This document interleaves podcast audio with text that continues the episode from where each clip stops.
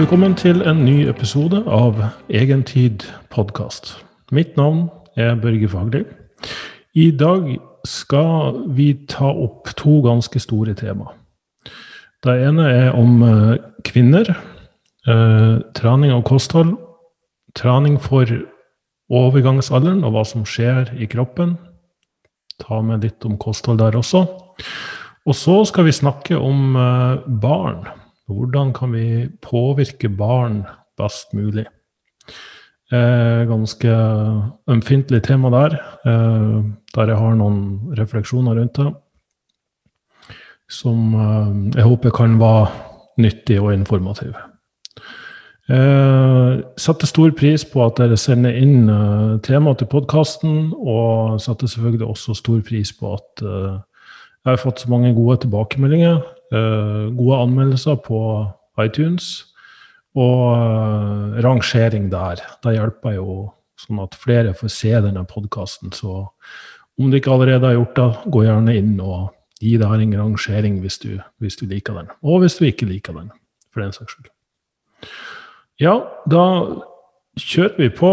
Um, først og fremst adressere myten om at kvinner er da svake kjønn. I praksis viser det seg ikke å stemme i det hele tatt. Faktisk kan kvinner bygge like mye styrke og muskelmasse som menn. Og det her høres kanskje rart ut, men nå snakker jeg i relative termer her. Sånn at um, kvinners utgangspunkt er jo lavere. De har mellom 10 og 20% mindre muskelmasse og styrke i utgangspunktet. Uh, men hvor hurtig de kan øke i styrke og muskelmasse, er prosentvis tilsvarende uh, menn. Uh, når vi ser på det hormonelle, så har de, kvinner har faktisk tre ganger mer veksthormon enn menn har. Veksthormon er ikke primært et hormon for vekst, unntatt i puberteten, men det er et hormon som vi kan si er fettmobiliserende, viktig for celleomsetning i kroppen og, eh, og bindevev. IGF-1, eh, forkortelse for eh, Insulin-like growth factor 1, er omtrent tilsvarende. Det er også en vekstfaktor i kroppen. Kvinner har da 10-15 ganger mindre testosteron enn menn. Som testosteron er jo kjent for å være primære anabole, oppbyggende hormoner. Um, men de har, de har østrogen, som ikke nødvendigvis er så veldig muskelbyggende, men er antikatabolt. Det vil si det motvirker proteinebryting. Så vi kan faktisk argumentere for at kvinner trenger mindre protein i kostholdet i praksis uh, pleier ikke å sette protein noe lavere hos kvinner, fordi protein har så mange positive effekter. Uh, det kan også være appetittdampende opp til, viss, uh, til et visst nivå. Og østrogen, i motsetning til hva mange kanskje har hørt, så, så kan vi faktisk si at det er et fettforbrennende hormon. Det som er, er at kvinner har en menstruasjonssyklus der østrogen stiger i starten av syklusen, dvs. Si fra menstruasjon og de neste 10-14 dagene. Og så eh, under eggløsning så bytter de her eh, hormonene plass, og da er det progesteron som dominerer, og østrogen som går ned. Eh, progesteron og østrogen kan ha ulike effekter på hvor de mobiliserer og lagrer fett i overkropp og underkropp. Så Um, kvinners uh, kropp har jo i utgangspunktet 9-11% avhengig av hvilken statistikk du leser, mer essensielt fett enn menn har. Så det er i praksis umulig for, ei, for ei kvinner å få en fettprosent så lav som 5 um, Kvinner i konkurranseform i fitness og kroppsbygging Kroppsbygging vil jeg si et unntak, for der brukes det som regel kunstige hormoner. Dvs. Si både fettforbrennere, stoffskiftehormoner og anabole steroider. Men hos fitnessutøvere så kan man si at kvinner er i konkurranseform av svært lav fettprosent eh, når de er mellom 12 og 15 Tilsvarende for en mann vil være mellom 4 og 7-8 for å være i god nok form. Eh, så gjennom den menstruasjonssyklusen så kan vi da si at uh, når østrogen dominerer i første halvdel av fasen, så uh, tåler kvinner mer karbohydrater, dvs. Si insulinfølsomheten blir bedre. De kan spise mer karbohydrater, nyttiggjøre seg mer karbohydrater. Uh, mens i den andre delen av syklusen, ca. 10-14 dager før menstruasjon, inkludert den premenstruelle fasen, når progesteron dominerer, så eh, har de en moderat grad av insulinresistens. Dvs. Si at de tåler ikke karbohydrater like godt. Um, I den fasen vil også matlysten øke. Forbrenninga vil faktisk øke, sjøl om det ikke oppleves sånn, uh, fordi man holder mer vann i kroppen. Uh, og da ser man, da vil gjerne vekta gå litt opp. Men sannheten er at forbrenninga kan øke med så mye som 200-300 kalorier, tilsvarende en god time med, med kondisjonstrening. Eh, men siden østrogen er antikatabolt, dvs. Si det motvirker nedbryting, eh, har en såpass positiv effekt på både muskulatur og bindevev, eh, så kan vi argumentere for at i første del av den syklusen så, så vil det være Eh, mer fordelaktig å trene eh, med høyere treningsmengde, tyngre vekter og generelt sett mer fokusert mot styrke og muskelbygging. Vi kan også hevde at å trene hver muskelgruppe oftere Jeg har jo som hovedregel å trene hver muskelgruppe mellom hver tredje til femte dag. Uh, kvinner kan kanskje da trene hver muskelgruppe én dag raskere, fordi de rett og slett restituerer seg raskere enn menn. Evolusjonært sett så er kvinner mer utholdende, mens menn er mer eksplosive. Uh, det her er jo på grunn av Det har ingenting med kvinnediskriminering å gjøre. Det har både med den hormonelle statusen, og så har det nok med den evolusjonære eh, fordelinga av arbeid mellom kvinner og menn. Der menn var ute på jakt, og kvinner var de som gikk lange avstander og sanka plantevekster og, og bær og frukt. Og gjerne også bar med seg barna på, eh, på ryggen eller magen. alt ettersom. Eh, så, så, det er egentlig bare sånn det er, da. Um, nå skal det jo sies at det er store individuelle forskjeller. Um, F.eks. kan man se blant kvinnelige idrettsutøvere at de har generelt sett høyere nivå av androgene hormoner, dvs. Si mer mannlige hormoner, DHEA og testosteron. Eh, om det er en årsak eller en konsekvens av at de idrettsutøvere eh, har vi ikke noe sånn sikkert svar på, men det er høyere forekomst av PCOS, altså polycystisk ovariesyndrom, er det små syster på eggstokkene som, som, rett og slett gjør at de får en viss grad av maskulinisering. De kan gjerne få økt hårvekst på overleppa og på kroppen generelt. Um, men om, ja, som sagt, om det er nedarva, om det er genetisk, om det er miljøet, hva som forårsaker det, er litt vanskelig å si. Men jeg har sett reversering av PCOS hos uh, kvinnelige kunder ved å uh, rett og slett sørge for nok kalorier og moderere treningsmengden. Eh, så vi kan si på sånn helt generell basis at eh, kvinner, siden de er mer utholdende, så vil de tåle utmattelse bedre. De restituerer seg raskere under, etter påkjenninga.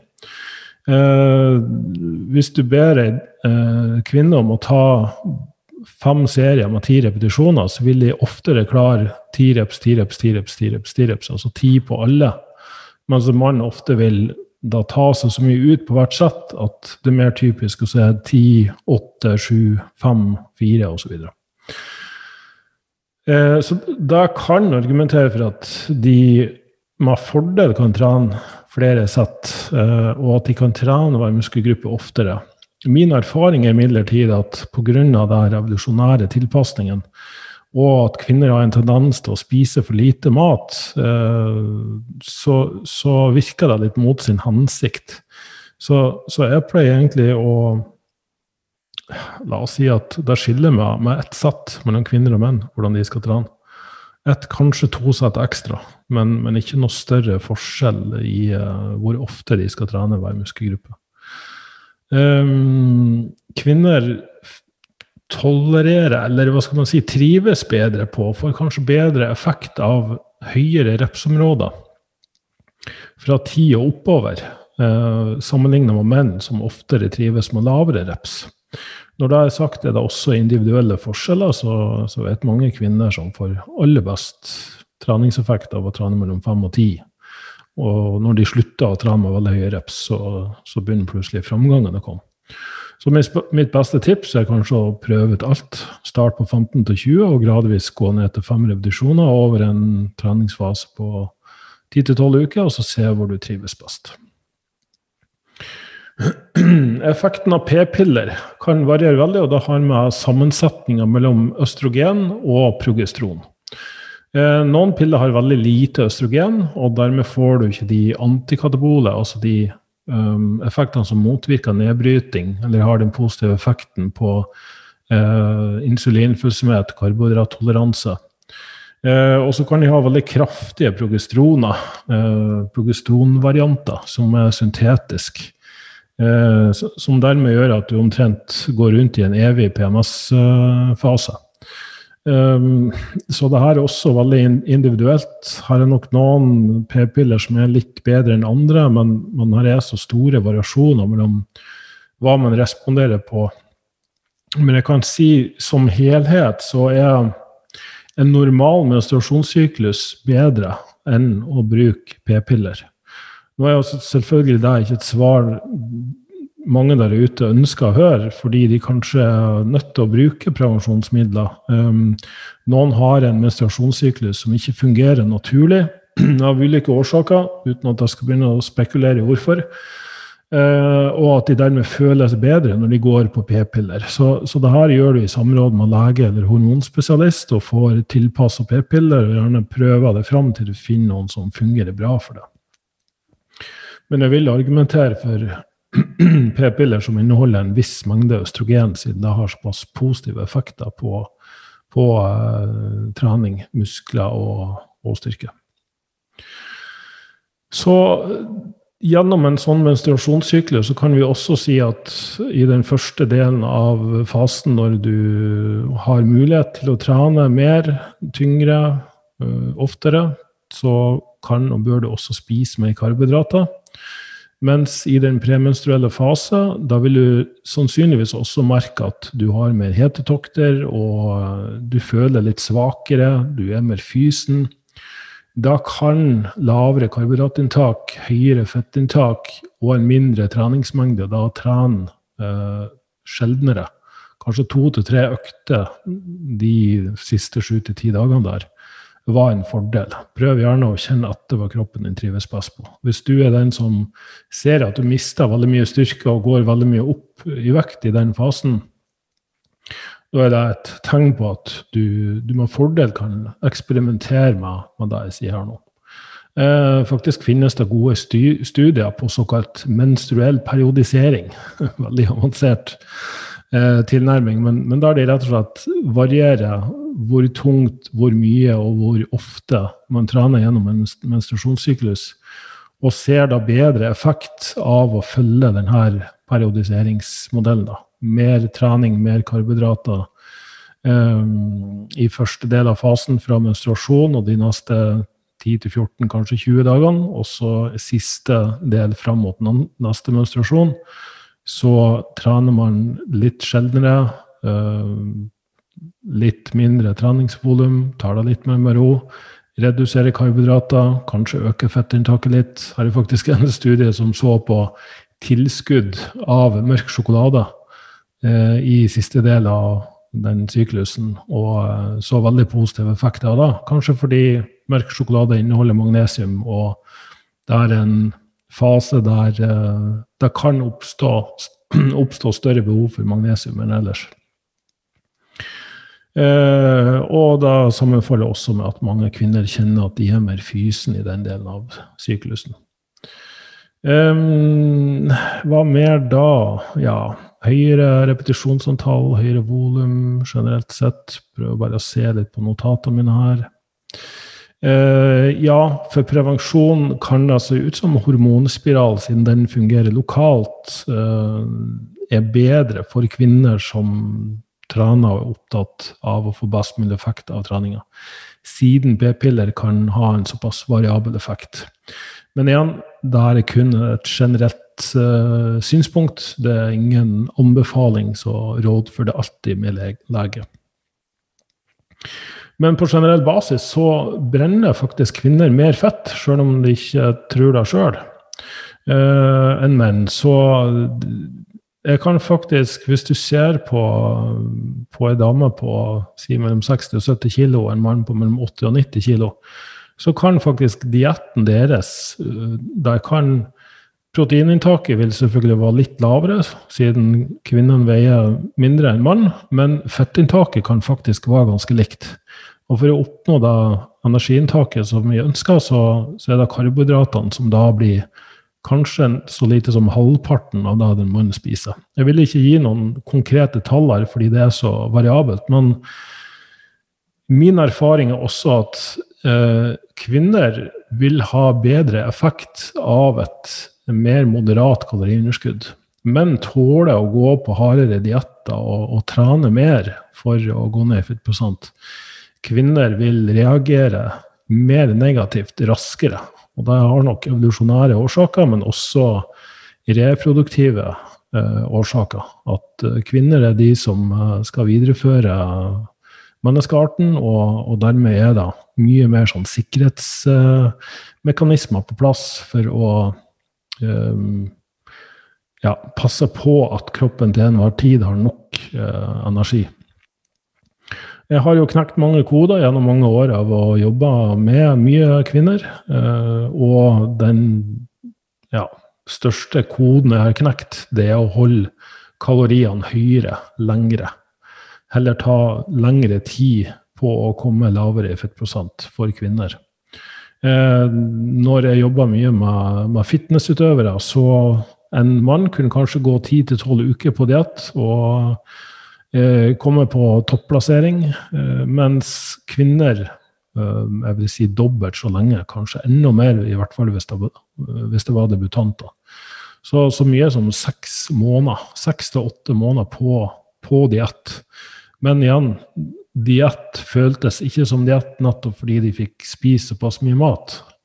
Um, mange har, har, faktisk satt på kosthold der de spiser mer mat enn de er vant til å gjøre. Men det svinger såpass mye fordi de tror at eh, de må gå så lavere på, mye lavere på kaloriene. Og så slår alle de her revolusjonære mekanismene inn mye hardere og raskere, og dermed så overspiser de. Så det blir veldig sånn jojo-slanking og syklus som har underspising og overspising, som, som da egentlig bare ja, er å gjøre seg sjøl en bjørnetjeneste. Det er tre skritt tilbake og to skritt fram, altså. Og gjentatt over lang nok tid, så, så ender de opp på et mye mer håpløst sted enn de var. Så kommer vi til overgangsalderen den inntrer jo med varierende alder. Eh, fra 40 til 50 et sted så vil mange oppleve at kroppen begynner å endres hormonelt. Det er reduksjon av østrogennivået, det er reduksjon av progestronnivået, og um, alle de um, ja, må jo si Både fordelene og ulempene med østrogen og progesteron gjør seg mer og mer gjeldende. Eh, det vil oppleves som vanskeligere å bygge muskler, vanskeligere å brenne fett. Eh, men de store hormonelle svingningene vil kanskje ikke være like ekstreme. For noen kan det faktisk eh, oppleves som enda mer ekstrem. Så, så har jeg rett og slett så mange forskjellige, unike endringer som skjer i den overgangsfasen der, at det er vanskelig å si noe helt sikkert. Men jeg vil nok opprettholde anbefalinga om å forsøke å holde fettinntaket høyt, siden det er såpass gunstig for hormonell helse, og også være forsiktig med kaloriunderskudd. Um, men um, rett og slett være mer obs på å ta vare på kroppen jo eldre man blir. Nettopp fordi at hvis du ikke har vært snill med kroppen din gjennom 20-årene og 30-årene, og sånn, så vil du oppleve den overgangsalderen mye mer voldsomt enn noen som har tatt godt vare på seg sjøl, hadde, hadde, en mer balansert tilnærming til uh, både styrketrening og utholdenhetstrening. Uh, å ha en mer som moderat tilnærming til alt. Jeg vet mange kvinner som trener som toppidrettsutøvere uten å ha forutsetningene for det. Verken det strukturelle eller det genetiske, eller den restitusjonen som toppidrettsutøvere har mulighet til. De har ingen eh, typiske jobber, og de har mye mer fokus på hvile og restitusjon enn det en, en eh, relativt overarbeida tobarnsmor uh, har. Men allikevel har jeg fått uh, søknader fra mange kvinner der ute som, som trener altfor mye og altfor hardt. Så, så, det vel kanskje det første jeg ville adressert. Sett litt nærmere på hvor, hvor, mye og hardt du faktisk trener, og hva du ja, tenker å oppnå med det. Uh, ha mer fokus på kvalitet og ikke kvantitet. Med en bevissthet rundt at kvinnekroppen er, er designa sånn som den er. Så, så, må man også ta hensyn til det, tenker jeg. Uh, så da jeg kanskje vil si um, Når kvinner kommer i overgangsalderen, da er det større sannsynlighet for at lavkarbodietter vil fungere. Avhengig av treningsintensitet og mengde, men der også vil jeg anbefale en generell reduksjon. Muligens litt lettere vekter. Kanskje bare kjøre litt mer langsomme og kontrollerte repetisjoner, fordi bindevevshelsa blir litt redusert når man eldes. Det gjelder både kvinner og menn. Uh, de som ønsker å trene eksplosivt, vær veldig påpasselig med at uh, eksplosiv trening generelt krever mer restitusjon. Så det bør være færre av de eksplosive, både sprintintervaller eller uh, til og med jogging, som påfører kroppen mye sånn støtbelastning. Kanskje prøve litt mykere underlag, underlag mer løping i skog og mark, mer variert terreng. Um, ja, rett og slett være litt mer i kontakt med sin egen kropp, tenker jeg er en, en fin anbefaling uansett alder. Her er jo vist at um, mat og kosttilskudd som, som, inneholder østrogenlignende stoffer, sånn som fra soya eller en um, faktisk et ekstrakt av simisifuga racemosa det, heter klaseormdrue på norsk. Um, det finnes ulike kosttilskudd som har det her, men kontakt gjerne hormonspesialister på uh, privatsykehus, eller få henvisning av fastlegen din til hormonspesialister, og se hva som er mulig å gjøre. Først kanskje med kosttilskudd, uh, men for mange kan det være fornuftig å, å få bioidentisk hormonsubstitusjon. Dvs. Si tilskudd av østrogen og progesteron som, som da simulerer den eh, ja, Kanskje ikke like mye som eh, man har når man er 20, men, eh, men at du i hvert fall erstatter noe av den manglende hormonproduksjonen. Um, ja, kanskje litt mer bevegelighetstrening hadde vært fornuftig også. Mer, uh, mer yoga, mer tøy og bøy, mer dynamisk uh, bevegelser. Uh, men jeg vil absolutt anbefale at man fortsetter med styrketrening, siden det har så positiv effekt på bentetthet. Benskjørhet er jo veldig vanlig eh, nå blitt, i, eh, spesielt i nordiske land. sannsynligvis fordi vi får mindre D-vitamin i oss, både pga. mindre sollys, at det er lengre og kaldere og mørkere vintre. Um, som muligens også motvirkes ved at vi har mer fokus på D-vitamin og oftere tar kosttilskuddet da. Lysterapi på vinterstid. Uh, både små mengder med UV-lys kan være gunstig, men også infrarødt lys kan være gunstig. Um, rett og slett bare sørg for at kroppen har det så bra som mulig gjennom hele året. sørg for optimal næringsstatus. Uh, jeg vil slå et slag for uh, ren styrke. Jeg had, har jo hatt Ellen på podkasten her, som snakka om samenes tradisjonelle kosthold, og hvordan hun følte seg mye bedre når hun begynte å spise på den måten. og de utvikla da et kosttilskudd basert på tørka reinlever, som er veldig rikt på jern og vitamin B12 bl.a., og A-vitamin. Alt da er jo eh, særdeles viktig for, eh, for, alle, vil jeg si, men kanskje enda mer viktig for kvinner, og kanskje enda mer viktig enn det igjen for kvinner i overgangsalderen.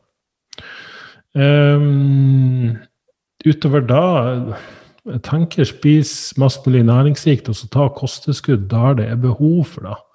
Her er ulike stadier i kvinnes, en kvinnes liv, eh, både gjennom eh, den eh, fertilitetsfasen eh, av livet, der man får barn, der man eh, gjennomgår et svangerskap, der man ammer, som, som, krever visse tilnærminger. Da, da skal jeg ikke opp, så, gå så mye inn på denne podkasten.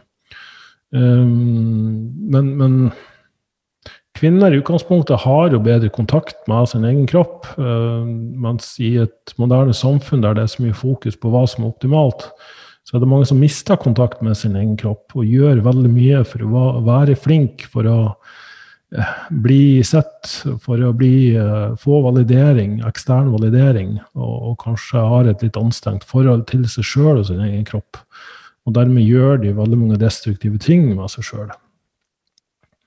Så uh, mitt synspunkt er jo at uh, kvinner er den vakreste delen av arten vår. Jeg syns ikke mannekroppen er spesielt pen. Nå er jeg veldig veldig subjektiv, siden jeg er mann sjøl. Men, uh, men, men, kvinner er jo fantastiske vesen som, som jeg både undrer meg over og syns er litt trist at dere ikke tar bedre vare på dere sjøl. Det, det, det, er så mye straff og dårlig samvittighet involvert i alt dere gjør med mat og trening, at ja, rett og slett prøv å tenke litt etter hva, hva dere rømmer fra, hva dere flykter fra. Um, og det her flink pike-syndromet uh, kan være både en gave og en byrde. Det kan være en gave i den forstand at dere får utrette veldig mye. Dere er generelt sett mye mer kreative uh, enn hos menn. Men uh, det kan også gå litt sport i å være så perfekt som overhodet mulig, og, og dermed ende opp med at det bare blir destruktivt. Så en liten sånn filosofisk attpåklatt der. Men um, i grove trekk Men uh, nei, kvinner er mer utholdende, tåler høyere reps, mer trening generelt, men bør kanskje ikke nødvendigvis uh, trene mer oftere. Bare unntak av visse deler av menstruasjonssyklusen. Når de går inn i overgangsalder, så kan det være fornuftig å ha en viss minimumsgrad av styrketrening, siden det er så viktig for beintatthet og bindevev. Um, men en fin balanse mellom kondisjon, mobilitetstrening, styrketrening. Mindre karbohydrater, mer fett i kostholdet, moderat protein, og pass på å spise nok mat generelt. Så neste tema barn. Og litt sånn uh, ømfintlig tema, men jeg skal lese opp et spørsmål jeg fikk her, som, som var veldig fint. Jeg har to tanteunger som nå er ti år og tolv år, uh, henholdsvis gutt og jente. Begge er svært opptatt av hvordan min livsstil er, maten og treningen. Jeg har alltid prøvd å skjule at jeg veier maten til tider og og, og, sånne ting. Og når de spør meg om hva de bør trene, så prøver jeg alltid å fokusere på at de er såpass unge at de bør fokusere på gøye aktiviteter, og forsiktig prøve å forklare hva som er sunn mat. Problemet er jo media og sosiale medier. De blir veldig påvirket av dette. Ta f.eks. jenta. Det er tre år siden første gang jeg så henne se på TV, for så å se ned på sin egen mage og klype i fettet. Forferdelig at barn ikke skal få være barn. Noen av spørsmålene eller temaet er om det går an å ta for seg eh, barn mellom 9 og 14 år, f.eks., og hvordan påvirker de på en sunn måte. Hva kan en anbefale i form av trening? Hvordan lærer de om mat uten å gjøre kroppsbildet, kroppsbildet verre, etc.? Er det noen retningslinjer for barn og mat? De vil jo veldig gjerne lære, men de syns det er vanskelig å finne rette balansen og rettlede på en god måte. Ja, um, jeg er helt enig i det. Det er fryktelig vanskelig. Vi kan gjøre en så god jobb som vi bare vil, men media og sosiale medier påvirker veldig mye. Jeg tror kanskje først og fremst det å stå fram som et godt forbilde, være den som tar vare på kroppen sin, den som um, Altså, det å følge en plan og telle kalorier og veie mat og alt det her, kan være greit for en periode for å faktisk se at du spiser nok. Men å ha det som livsstil, eh, det at du i det hele tatt har et sånt forhold til kroppen din som noe som hele tida må kontrolleres, som du ikke har tillit til, eh, som at kalorikalkulatoren eller kostholdsplanen er mer perfekt enn det kroppens egen intuisjon er, da har du et aldri så lite problem sjøl. Og når du har et lite problem sjøl, så er det veldig vanskelig å unngå at det her påvirker barn. Så, så, mitt beste råd til eh, foreldre eller uh, tanter og onkler der ute, det er å begynne med det sjøl. Sørg for at du har et sunt forhold til din egen kropp, til mat og til trening.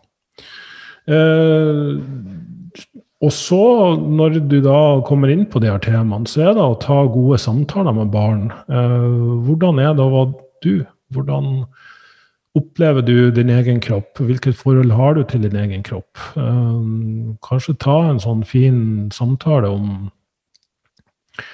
det her kroppspresset som, som, ofte er der ute, som det er vanskelig å beskytte helt mot. Du kan ikke begynne å sensurere media og sosiale medier for alltid. Uh, gi de heller verktøyene til å håndtere den informasjonen bedre. Håndtere sitt indre følelsesliv mye bedre. Lære de å snakke om følelsene de har inni seg. Hva er det som er vondt? Hva er det som, som oppleves som vanskelig? Uh, den jenta eller den gutten som, som har en liten sånn valk som kanskje synes bedre enn den gjør hos kompisen eller venninna. Hvordan føles det? Hvordan, hvordan, er det å være de når at de begynner å sammenligne seg med andre? Eh, så, så, det her med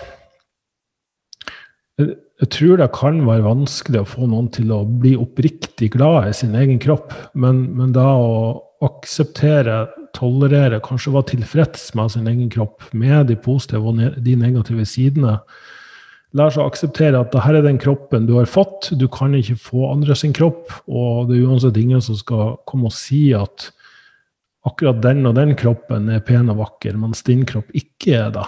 Det, det er mer da å lære, lære, alle barn at den kroppen de har, den kan de gjøre så utrolig mye med.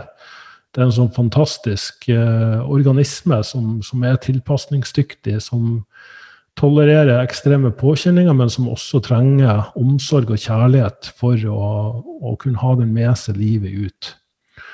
Eh, så, så, jeg vil rett og slett slå et slag for deg å, å lære barn og unge å snakke om og få kontakt med sitt indre følelsesliv eh, i større grad enn å legge fokuset der ute på alt det eksterne. Når det er gjort, så tror jeg også en en tilnærming til kosthold som ikke handler om så fryktelig mye merkelapper. Fordi spør du ti, til og med ti eksperter om hva som er sunn og usunn mat, så, så, vil du få ti forskjellige svar. Jeg har eh, sett eh, alt fra at noen mener at karbohydrater er usunt og fett er sunt, og det omvendte. At eh, karbohydrater og liksom grovbrød og alt da er sunt, mens fett er usunt. Så, så, og det er jo noe som voksne også sliter med å, å klare å sortere og, og forholde seg til. Så, så, snakk heller om mat som drivstoff. Snakk heller om den naturlige, ubearbeida maten som man lager sjøl hjemme, som den beste maten du kan gi det. Gjerne kortreist økologisk, men, men, ingenting man trenger å bli helt sånn obsesst med. Um, så, så, jeg tror for å få et naturlig forhold til mat, så, så, må vi slutte å stigmatisere så mye mat. Altså, jeg har jo sjøl en treåring i hus, og, og, selvfølgelig gjør så godt jeg kan med å gi han et så næringsrikt kosthold som mulig, men, men også prøve å imøtekomme ja, Vil han ha et glass med sjokolademelk? Greit, du kan få det en gang iblant, men, men vi lar det ikke bli en vane. Eh, og kanskje tåle da at eh, barn ofte er litt misfornøyd med den maten de får servert. Men Og da skal jeg kaste stein i glasshus som det holder på, eh, og gi barn den spesialbehandling at de skal ha en egen kost, mens vi skal ha en annen. Det kan også være litt uheldig, da. Eh, at de må lære at de, de er annerledes. Um, og det er klart, noen må kanskje kjøre en glutenfri linje hjemme, kanskje en melkeproduktfri linje hjemme, kanskje nøttefritt. Kommer litt an på intoleranser. Um, Lær de kanskje mer om tradisjonsrike måter å tilberede mat på. Surdeigsbaking. Til og med treåringer syns det er kjempegøy med surdeigsbaking. Baking generelt. Um, lær de å spise all mat. Smake og spise på all mat. Um, og, og, kanskje var litt bevisst på om du har noen uh, om du har anstrengt forhold til mat, om du har noen oppfatning av at en bestemt matvaregruppe er feil og usunn. Uh, sånn at da kanskje For det interessante med barn er jo at jo mer regler og restriksjoner vi har, jo mer attraktivt vil den forbudte maten være. Så, så da å spise litt godteri en gang iblant, ikke gjøre det til noe spesielt som man kun bruker til belønning, tror jeg faktisk kan være fornuftig. Uh, uten at han nødvendigvis trenger å ha et daglig innslag. Av og til sier jeg bare nei, det er tomt, det, vi har ikke mer. Så, så enkelt er det.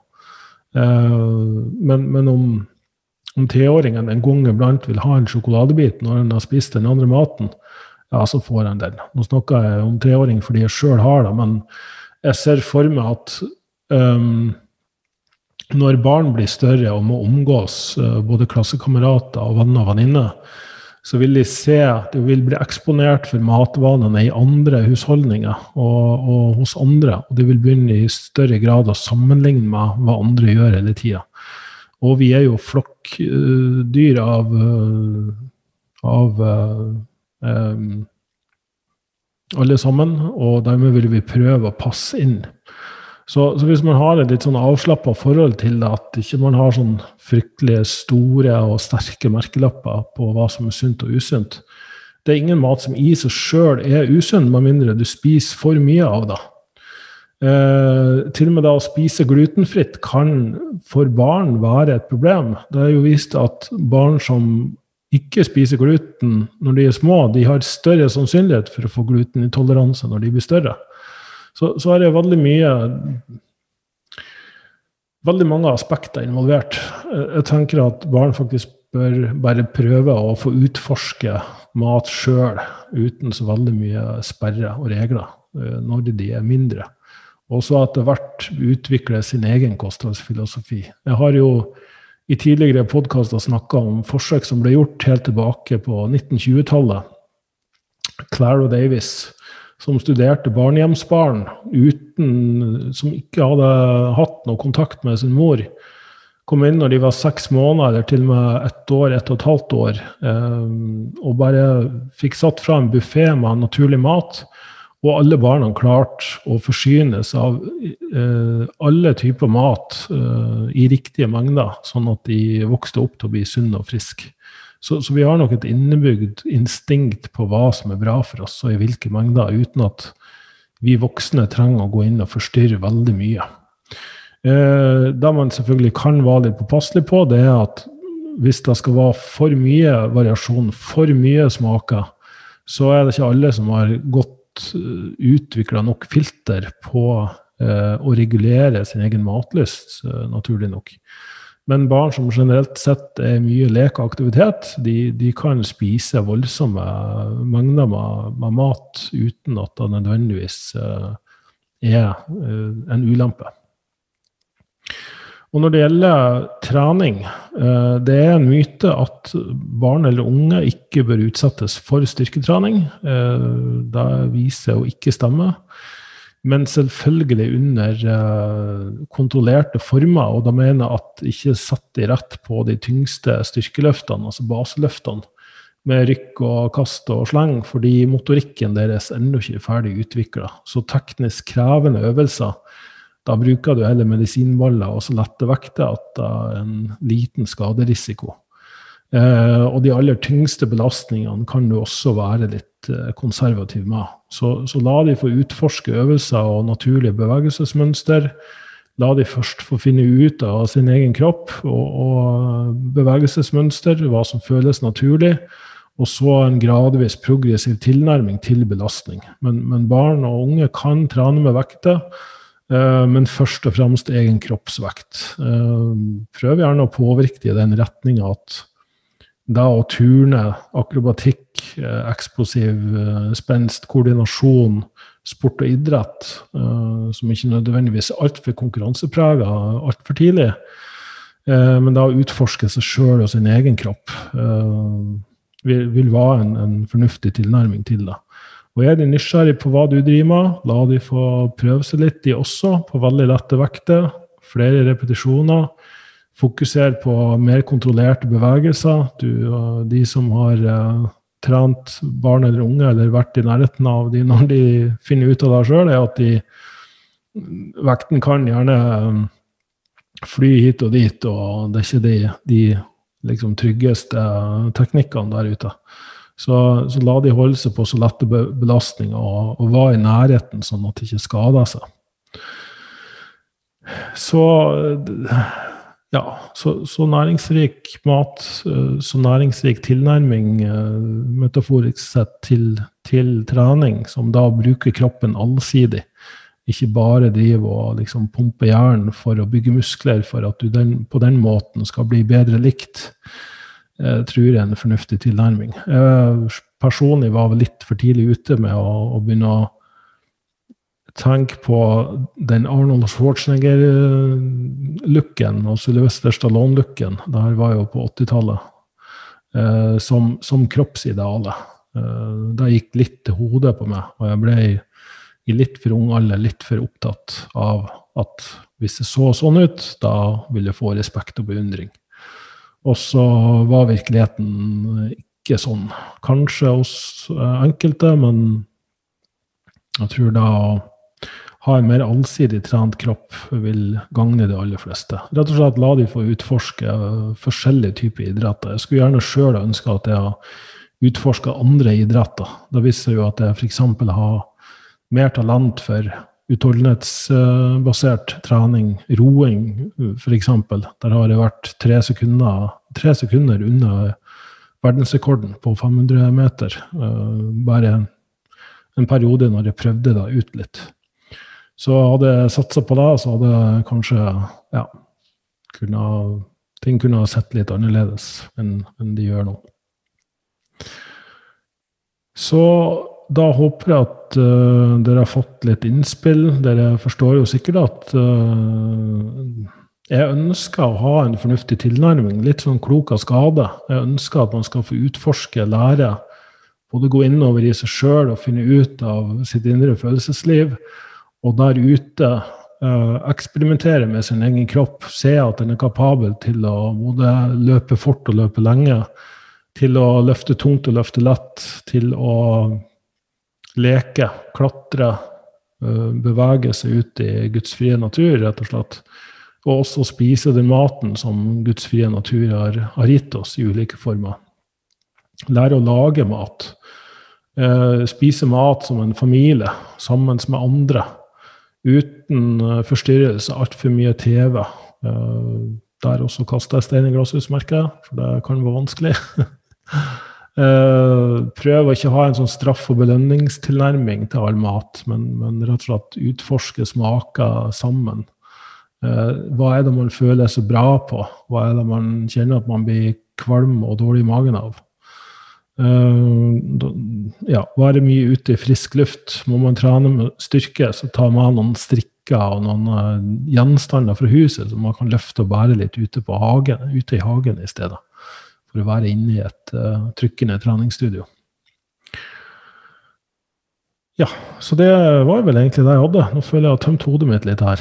Så da håper jeg at det er noen der ute som har fått litt utbytte av det. Takk for at du hørte så langt. Send meg gjerne flere tips på temaer jeg kan ta opp i podkasten til coach at borgefaglig.no. borgerfaglig.no, men med O. Uh, gi meg gjerne en uh, rating på iTunes eller Spotify, sånn at podkasten kan vises til flere. Og uh, håper at du hører på neste episode også. Takk for meg, og ha en fortsatt strålende dag, kveld eller natt.